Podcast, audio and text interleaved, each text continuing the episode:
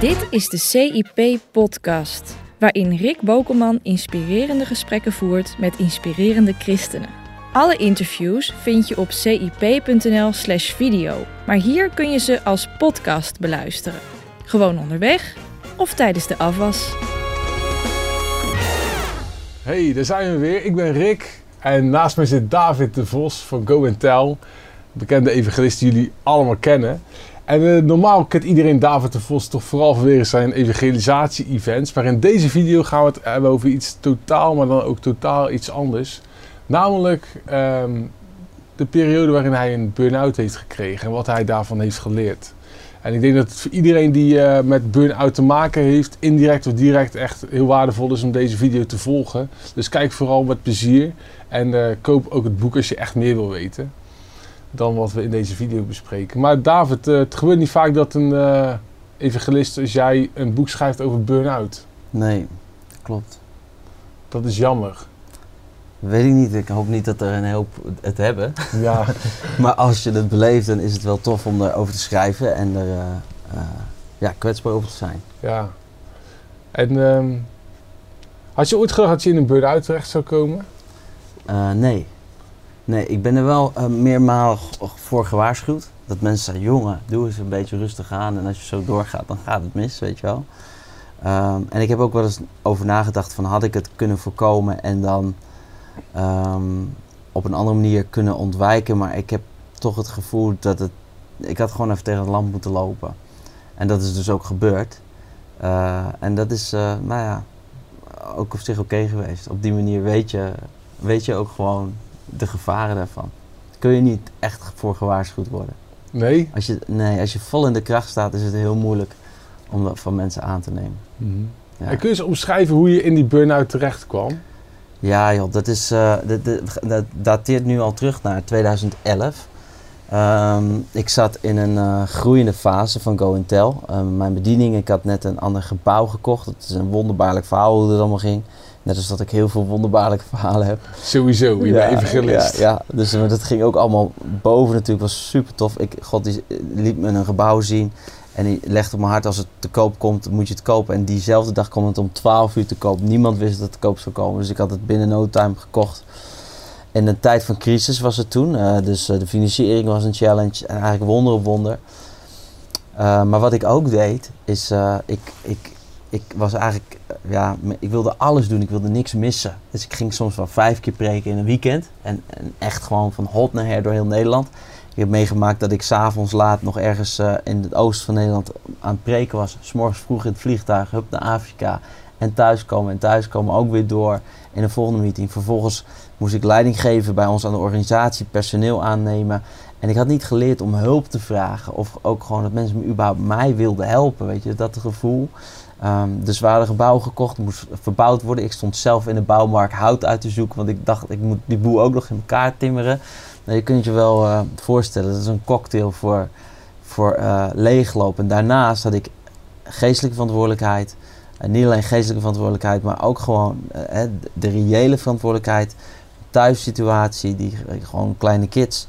Allerlei intensieve ingrediënten om als je heel lang doorgaat, het op een gegeven moment gewoon niet meer trekt. En, en hoe merk je dan dat je, ja, hoe begon je systeem te falen, om het zo maar te zeggen? Ja, mijn system failed op de momenten dat ik, uh, ik weet nog heel goed dat ik op een gegeven moment zo overladen werd door de, de, de druk van alles wat er moest gebeuren, dat ik me ineens een beetje hopeloos begon te voelen van ja, maar, ja, maar, ja, maar ik kan dit eigenlijk allemaal helemaal niet. En, en hoe ga ik dat dan allemaal doen? En, ik lag in bed naast Joyce en uh, ik zei op een gegeven moment, lieverd, ik, ik, ik, ik weet het niet meer, ik kan het niet meer. En toen kreeg ik me toch een jankbaar, echt gewoon huilbaar, echt gewoon huilen, weet je. Dus niet een beetje snotteren, maar gewoon janken. En ik denk, wat is dit, weet je wel. Dan had ik nog nooit zo eerder zo gehad. Ik kan wel huilen, ik ben ook een emotionele jongen, maar niet echt gewoon rouwend huilen. Ja. En toen dacht gewoon ik Gewoon zo huilen je zelf schrikt van de ja, maat waarin je huilt. Inderdaad, dat je, dat je zelf schrikt van hoe zielig je bent. En, um, en Joyce die dacht toen ook van, dat is morgen wel weer over. Maar dat was morgen niet over. Dat, was eigenlijk, uh, dat, was eigenlijk, dat waren de eerste tekenen dat ik echt uh, een beetje door mijn hoef aan het zakken was. Uh, zo merkte ik dat. En, dan denk je in eerste instantie, oh, ik hou dit nog wel even vol. Dus even bijkomen. Eh, maar ik zat al zover in het rood van maanden doorgaan dat het niet even in twee weken gefixt was. Dus ik dacht, ik doe nog eventjes een beetje rustig aan. Maar nou was ik in die periode ook nog. Ik ging toen nog weer naar Afrika en ik deed twee campagnes achter elkaar en vijf leidersconferenties door het hele land. Dus ik gaf vol gas nog weer even daar achteraan. Uh, een beetje de aard van het beestje. Ik ben ook wel echt een, ik, weet je wel, ik, ik wil gewoon gaan, ik wil de dingen doen. Ehm, ja, dus, dus uh, het was too much en, en dat, dat waren de eerste tekenen van mijn, uh, het falen van mijn systeem. Ja, en hoe ging het vanaf toen verder? Uiteindelijk kwam je thuis te zitten. Ja, We zoeken nogal een stap tussen, oké, ik heb een helbij gehad en de, Ja. het moment dat je zegt, hé, hey, dit is echt serieus niet goed, dit is een burn-out, ik Ja. moet thuis zitten en het Ja. uitzitten. Ja, nou weet je, ehm huilbuien namen toe, eh, hopeloosheid nam toe. Ehm, ik werd gewoon ook eh, depressief, ik eh, werd bang. Ik denk, wat is dit? Want, want mijn- mijn- ik, je herkent jezelf niet meer. Je kan heel erg vasthouden aan je eigen kracht. Weet je, je weet wat je kan, je kan bouncen, je kan reageren. Maar wanneer je dat verliest, verlies je grip op je eigen leven. En dan is er echt gewoon een rouwproces aangebroken. Want je realiseert, dit, ik, dit ben ik niet meer. En dat is heel scary. En dan gaat je hoofd, dan moet je ook oppassen, dat je gedachten niet alle kanten op gaan. Want dan denk je, ja, als dit kan, wat kan er dan nog meer voor verschrikkelijke dingen allemaal gebeuren? En dan, Wat waren er dan voor doemgedachtes bij jou? nou ja, ik denk, weet je wel, als ik hier, eh, eh, misschien blijf ik hierin zitten, misschien moet ik worden opgenomen, misschien ben ik aan het doordraaien, weet je wel. Je, er gaan allemaal gekke dingen in je hoofd, omdat je zo eigenlijk je filters gaan weg. Mhm. Dus ik kan iets tegen jou zeggen, wat, wat ja, moeilijk is of weet ik het wat. Eh, je kan het incasseren, naast je neerleggen. Maar als je een burn-out hebt, dan heb je geen filters meer. Dat komt bang, keihard binnen. En dan zijn eigenlijk al de prikkels, weet je wel, die komen nog gewoon heel hard binnen. Ah, Oké, En dat dus je maakt kunt het- ook dingen niet meer relativeren. Nee. Je kunt niet meer gewoon denken, joh, het valt wel mee, wij Nee, hebben het exact. over. Het is alleen maar gewoon... alles komt binnen en alles is moeilijk en alles is zwaar. En dat hou je gewoon letterlijk niet uit. Nou ben ik van nature geen opgever. Ehm, dus ik bleef proberen. En ik, Ja. ik vloog nog zelfs naar Nepal, begin van 2012, om daar nog weer een campagne te doen. En ehm, zag ik ja, prachtige dingen te gebeuren en ik zat te huilen in mijn bedje. En nou, dan weer terug naar huis. En ik weet nog goed dat ik thuis kwam, gewoon spierpijn had, prikkels in mijn hele lijf. En ik gewoon de energie niet meer had om met die kleine boys van me te spelen. En ik die kopjes dan vastpakte. En daar baalde ik nog veel erger van. Want ik voelde me nog weer falen als een pa. ja, dan weet voel je je wel. wel echt schuldig, denk ik, als je geen zin hebt in je eigen kinderen. Ik dacht echt van, eh, dit is niet goed. En ik weet nog goed, toen hadden we een eh, bestuursvergadering. En eh, in het bestuur zit echt eh, ja, een van onze bestuurders, maar ook echt een dierbare vriend. En die zei echt, David, zegt hij, als je nu niet stopt, zegt hij, dan gaan wij voor je kiezen. Maar Mhm. eh, de stekker gaat eruit. Je moet je nu overgeven aan wat je voelt. En dat betekent even, even helemaal niks meer. Dus, Wat was toen het dieptepunt? nou, da- daarna gaf ik me daaraan over. En ehm, dan val je echt wel even in een gat. Dus dan val je eigenlijk nog dieper. Ja, maar dat is wel het moment dat je ook begint aan je herstel. Wanneer je het toegeeft, je daaraan overgeeft, dan kun je er doorheen gaan. Het erkent. En ehm, dan komt er ruimte. Dus we hebben ruimte gemaakt in mijn agenda, afspraken gecanceld. Ehm, naar de dokter, nou, die kon alleen maar bevestigen. De dokter is zo, zo lekker onnuchterend. Wat denkt u zelf, meneer? Weet. Ja. Nou ja, ik denk Ik dat denk het niet, eh, burn-out. helemaal goed is. Nee, dat kunt u wel zeggen. Nou ja, goed. ehm, toen ook eh, onderweg naar een eh, christelijke psychologe. Die gewoon eh, je helpt in je hoofd. En dat was ook echt een verademing. Gewoon een hele toffe mens. Met gewoon een hele, weet je wat, die zei eigenlijk van joh, maak je niet zoveel zorgen. Je geeft alles, je gaat ervoor en, en je bent gewoon even off track geraakt. Nou, wij helpen je er weer op. Ja. En het komt goed, we gaan verder. Maar goed, van binnen voel je je wel verdrietig en kapot en eenzaam en mislukkeling en allemaal aanklachten komen er overheen. Ik heb wel eens gezegd van nou, als je het hebt over geestelijke strijd, ik had wel het gevoel dat op het moment dat ik in die zwakke positie was, dat de duivel me ook wel wist te vinden. Dus nog Hoe wist hij jou dan te vinden? nou, weet je, dat je de, voelt de strijd en de leugens in je hoofd gewoon toenemen. En die Ja. zijn extra eng op het moment dat je geen weerstand hebt om te bieden. En dat maakt het zo spannend of zo moeilijk. En je vertelde net dat, eh, het- dat die burn-out ervoor zorgde dat je allerlei doemgedachten kreeg. Gewoon echt een zwart eh, gat. Ik kan me dat wel een beetje voorstellen. Al heb ik het gelukkig zelf nooit gehad. Maar veranderde, eh, veranderde het ook de kijk van jou, niet alleen op jezelf, maar ook op God? Ehm, ja en nee. Ik heb Want je was wel een mannetje toen, volgens mij, en nu nog. Je was e- enorm enthousiast over God. En Ja. God, met God is het leven geweldig. ja, En dan in één keer, een paar momenten later, zit je thuis in een burn-out. Ja. En is het leven, zie je gewoon eigenlijk niet meer zitten. Ja, het was heel zwaar. Dus Kijk- verandert dat dan je kijk op God? Nou, niet helemaal. En, en, en, en, of ja, nee. Ik, ik, wat ik merkte, en, en, en dat is wat ik ook, ook wel eens terugkreeg van iemand die was gewoon boos op mij. Als je mijn boek leest over Jezus en burn-out, dan beschrijf ik hoe ik in de diepte inga in de relatie die ik met God heb. Ja. Dus deze dingen gaat doorworstelen met hem in het proces van pijn, van moeite, van eenzaamheid. En iemand die schreef van ja, en hoe kan je nou zeggen dat je God zo voerde in die tijd, want dat had ik helemaal niet en enzovoort. Maar mijn relatie met God was niet ineens anders. God was nog steeds daar Mhm. en ik communiceerde met hem zoals ik dat altijd deed. Sterker nog, ik begon hem intensiever te zoeken in mijn pijn. Vond ik het moeilijk? Heb ik het moeten verwerken? Ja, absoluut. Eh, zeg ik, nou, dit, eh, dit, dit heeft God op mijn pad gebracht om me een lesje te leren? Nee. Zeg ik, heb ik de, is dit mijn eigen onkunde geweest? Mhm. Ja, denk ik wel. Had het anders gekund? Ik weet het niet. Aan mijn profiel zoals ik ben, eh, denk ik dat het, dat het voor mij onvermijdelijk was om Ja. zoiets een keer te beleven. Wil ik het ooit nog een keer? Nee, liever niet. Maar in die periode weet ik nog heel goed dat ik eigenlijk heel veel gewandeld heb om gewoon bij God te zijn. Heer, niks doet er meer toe. Ik wil gewoon, just want to be with you. En eh, soms hoef ik dan niks te zeggen. Ik weet nog goed, man, ik stond aan het water en ik pakte een rietstengel. Dat was, eh, rond de winterperiode zijn ze geel en hard. En ik versnipperde die met mijn hand. Ik had hem helemaal in een handvol en die strooide ik toen zo uit over het water. En toen voelde ik Gods liefdevolle stem en die zei van, denk je dat dat ooit nog heel gaat worden? Dat had ik net uitgestrooid. Ik zeg, ja, ik zeg, dat, nee, dat, dat is kapot, weet je wel. Ik zeg, Mhm. dat, dat, dat gaat niet meer goed komen. En toen ineens, toen zag ik in mijn ooghoek een nieuwe rietstengel. Helemaal nieuw groen. En toen wist ik dat God zei van, weet je, het oude gaat weg. Maar er komt een nieuw, nieuwe persoon voor in de plaats. Nieuwe David. 2.0, weet je wel. Software update Upgrade. upgrade. En dat heeft mij zo eh, geholpen. Dat als je door die fases gaat, Wilke van der Kamp noemt dat snoeien. Of je nou door crisis gaat of whatever, maar je wordt gesnoeid.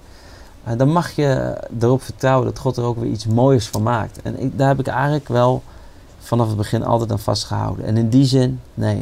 Ik ben niet boos op God of teleurgesteld. Of hoe kan dat nou? Trust him. Ja. Al Wat heb je toen al weet ik eigenlijk, het niet eh, allemaal eh, hoe het zit. ja. En wat heb je toen geleerd over je bediening? Want ik vermoed dat het ook wat, dat je misschien in zo'n fase ook wel denkt van hé, hey, allemaal leuk dat ik allemaal voor de Heer werk, maar eh, je kunt wel voor de Heer werken, maar wie ben ik eigenlijk? Ben ik eigenlijk dezelfde David dan als op het moment dat ik aan de grond zit? Ja, ja zeker. Dat het heeft een mega impact op je identiteit.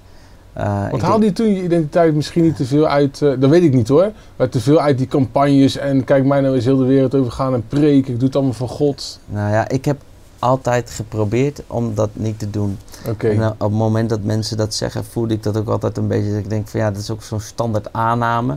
ja. Van je doet het om jezelf. Maar ik weet ook de andere kant van de medaille. Je, je kan het niet volhouden als je het alleen maar om jezelf zou willen doen. Ehm, maar eh, eh, zijn er maar mijn motivaties en drives geweest die daarmee ver- ver- vermengd Ja, zouden kunnen zijn? Dat zijn- is meestal wel zo, het lijkt me. Dat zou heel goed kunnen. Ja, Ja. En dat ik, eh, dat ik alles uit een, een, een, een pure roeping en een, begonnen ben. Ja, absoluut. Randjes, opvoeding, verleden. Ja, tuurlijk, er zijn dingen die daarmee werken. Maar dat maakt ook dat door jezelf tegen te komen, dat je jezelf die vragen durft te stellen, daaraan durft te werken Ja, en te verwerken. En daardoor word je eigenlijk een mooie mens, ja. als je wil. En heb je in die tijd ervaren dat God net zoveel van je houdt in een burn-out als eh, als je allemaal mooie dingen doet en succesvol bezig bent? Of het nou als evangelist is of als Ja. zakenman of Ja wat ik, dan kan, ook. ja, ik kan niet anders zeggen dan ja. Ik ervaarde Gods liefde zo dichtbij. Eh, Ehm, dat, ja. Hij, ja. hij houdt echt van mij zoals ik ben. Ook als ik niks doe. Alhoewel ik dat nu, een paar jaar later, soms wel weer moeilijker vind. Omdat? Omdat er weer nieuwe fases in je leven komen waar je soms weer wordt teruggeworpen. Op dat gevoel van wie ben je los van wat je doet en van wat je beleeft. En ik merk dat daar, daar, daar nu weer nieuwe lagen in mijn hart worden, worden, worden aangescherpt of, of bezocht. Eh, waarin ik die vraag opnieuw weer moet beantwoorden. Ja, van wie ben ik nou eigenlijk ten diepste? Ja, Altijd een moeilijke vraag. een hele Ja. moeilijke vraag. Hey, en eh, hoe ben je uiteindelijk die burn-out te lijf gegaan dan? Is dat gewoon uitzitten, gewoon niks doen of... Nee, het is voor mij een combinatie geweest van een aantal hele belangrijke factoren. En die, die waar, waar mensen misschien ook echt wel wat aan hebben. Ehm, als je dit kijkt en je worstelt met of symptomen daarvan of je zit er diep in. Eén is, eh, isoleer jezelf niet. Eh, als je goede mensen om je heen hebt die van je houden, maak er gebruik van. Dus je kan het gevoel hebben, ik blijf thuis, ik kan, ik, maar probeer kleine dingetjes wel te doen. Toch een keer naar een verjaardag. Ik heb letterlijk op een bruiloft gezeten met zo'n grote zonnebril. Ja, En je maakt er toch wat van mee, weet je. Je verschuilt je een beetje achter. Eh, daarnaast is echt gewoon uitrusten. Je hebt, je hebt rust nodig, dus je moet herstellen. In mijn geval was het echt veel op vakantie gaan. Eh, dat heeft me heel erg erbovenop geholpen. Gewoon rust, rust, rust. Eh, daarnaast eh, sporten, dus wel beweging. Dingen doen die je leuk vindt, echt gewoon. En het moeilijke van een burn-out is dat je op een fase kan komen dat zelfs de dingen die je leuk vindt, vind je niet meer leuk. En dan moet je dus net zo lang uitrusten en toch weer kleine stapjes maken. dat die beginselen er weer bij kunnen komen. En daarbovenop natuurlijk mijn wandel met God, bij God zijn.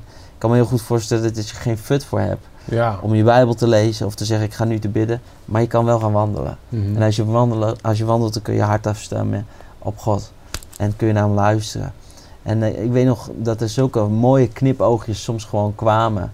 Van mensen die langskwamen. Of even een keer 50 euro in mijn handen drukten. Zeggen van ga even lekker wat eten met je vrouw. Of, en dat zijn, God is daarbij. Ook in de vallei, weet je wel. En hij wil daar voor je zijn. En, en, en, je mag jezelf erop wijzen dat het goed is om die dingen te zien. En eh, daar gewoon doorheen te gaan. En voor je boek heb je ook eh, je verdiept in wat de Bijbel zegt over burn-out. Of eigenlijk wat je uit de Bijbel kunt halen ook. Ehm, wat zijn voor jou, laten we er even twee pakken. Wat zijn voor jou de twee belangrijkste Bijbelteksten of dingen die je uit de Bijbel hebt geleerd over burn-out? Nou ja, het is moeilijk om te zeggen van eh, die of die in de Bijbel was burn-out, weet je wel. Mhm. En daar kan ik een voorbeeld aan nemen. Wat je wel leest. Of misschien een positieve tekst die je er bovenop kan helpen. Of... Ja, nee, ja, weet, kijk, wa- wat je wel leest is dat, dat, dat eh, David, koning David, heel erg eh, bekend was met, met, met, met rouwend huilen. Weet je, met echt diep verdriet. Ehm, met, met moeilijke fases. En het is gewoon heel mooi om te zien dat God in de highs is in je leven, maar ook in de lows. En de uitdaging die wij hebben is om de lows in ons leven, of het nu ziekte of burn-out of weet ik het was, niet als aanklacht te zien van ik heb iets fout gedaan en daarom zit ik hier. Ja, Leven. dat gevoel kun je wel snel krijgen natuurlijk. Enorm. We leven in een gebroken wereld waarin eigenlijk, zeker burn-out, man, steeds meer mensen raken erin, steeds meer jonge mensen. Maar wat denk je? Social media. Vroeger, als iemand een mening over je had, kon je het alleen maar vermoeden. Zo van, wat zal die Ja. van me denken? Nu kun je het gewoon lezen op internet en iedereen met jou. Alles wordt in de weegschaal gegooid, alles wordt gelijkt of niet gelijkt. En dat kan je heel onzeker maken. Dus, dus je, werken aan je identiteit is belangrijker dan ooit. Maar moeilijker dan ooit, omdat er zoveel prikkels zijn. Ik bedoel, eh, vul, je, vul je dagen met Netflix en, en, en je vraagt je ineens af waarom je eh, ja, je afvraagt of God er wel is. Ik bedoel, waar je mee voedt, Ja, is waar je vol van wordt.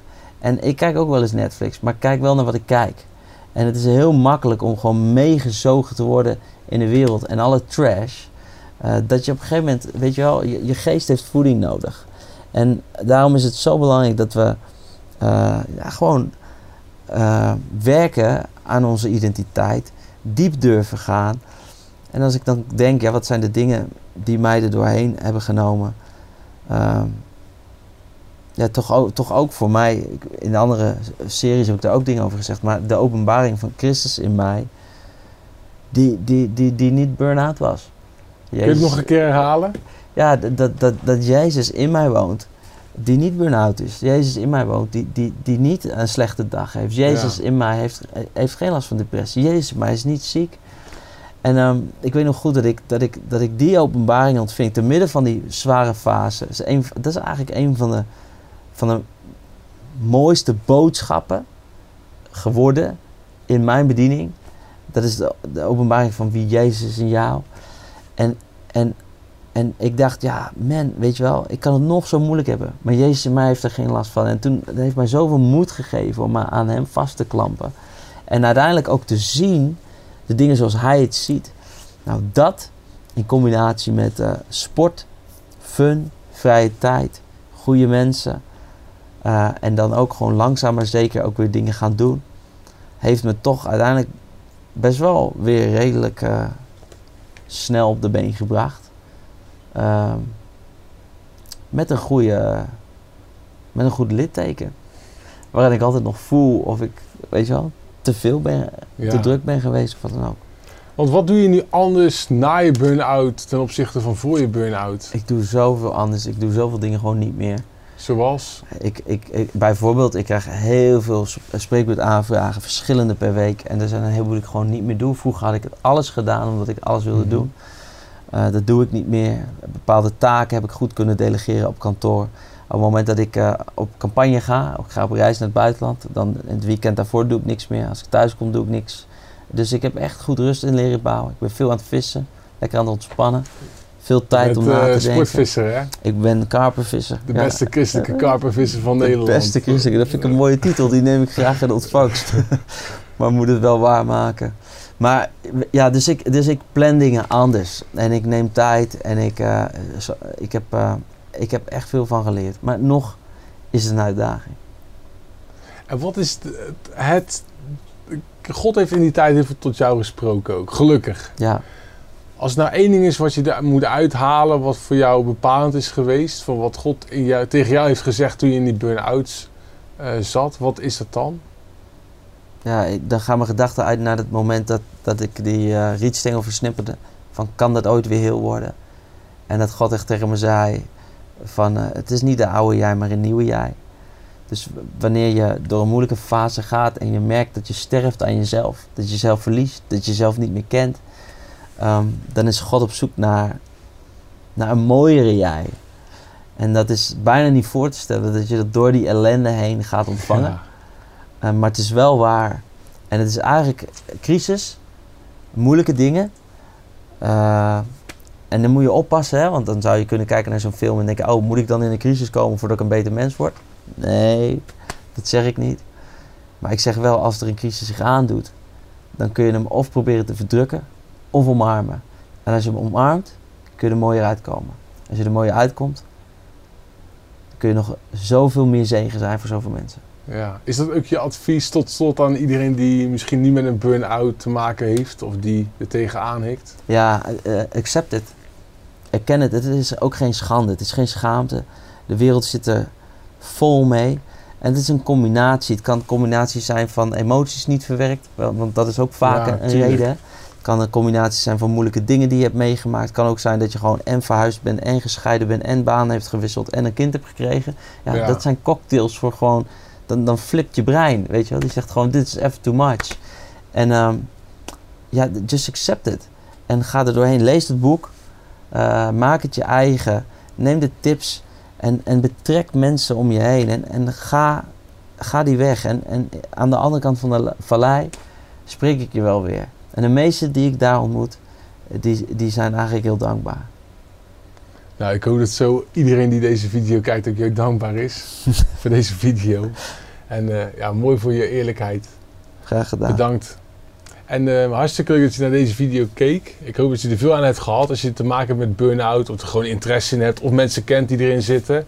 En weet dat je niet alleen deze video kunt doorsturen naar mensen, maar ook dit boek kunt lezen en kopen via de webshop van Go Tell. Doei!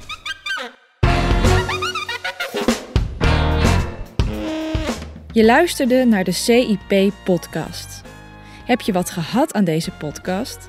Laat dan een recensie achter in iTunes. Of steun CIP.nl door CIP Plus lid te worden op onze website.